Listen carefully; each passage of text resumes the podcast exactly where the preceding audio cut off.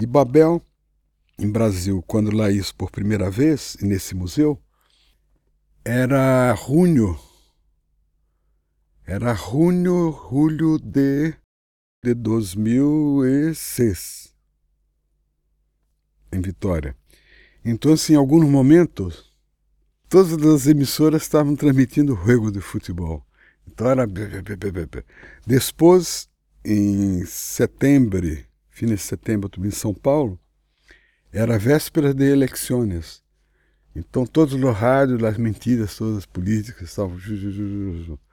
Pelo normalmente em Brasil agora, se monta Babel e sintoniza, se torna uma torre evangélica, porque os evangélicos foram comprando todas as emissoras, a maioria. Então, então é também uma espécie de sensor né? Eh, sociológico, dá um pouco a ideia do contexto sonoro do aire.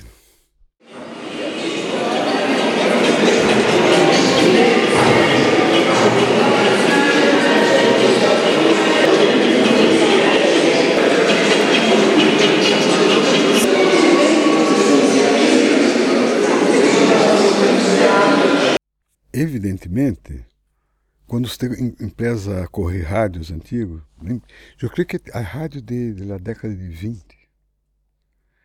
são muebles, né? são coisas grandes, pesadas, e isso, claro, foi para a base.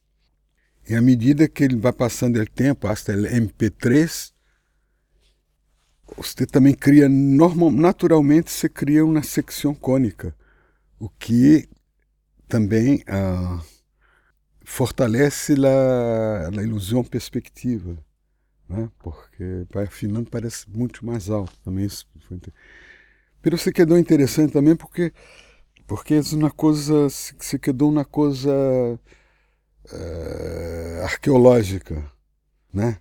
Em cima de lá, do objeto rádio e pero la, la, porque os trabalhos são assim, você anos e anos você convive mentalmente com uma peça hasta que você lá materializa por primeira vez.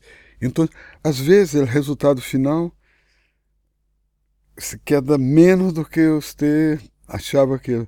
Pero às vezes deborda, vai além. Né? Através foi um pouco isso, quando eu tinha a possibilidade de ter levido por suelo, então o sonido aqui na capilha, a acústica se quedou muito bem para a peça. Então, é peça que te surpreendem positivamente. E Babel, em Brasil, quando lá isso por primeira vez, nesse museu, era junho. Era junho, julho de, de 2006, em Vitória. Então, assim, em alguns momentos, todas as emissoras estavam transmitindo jogo de futebol. Então era.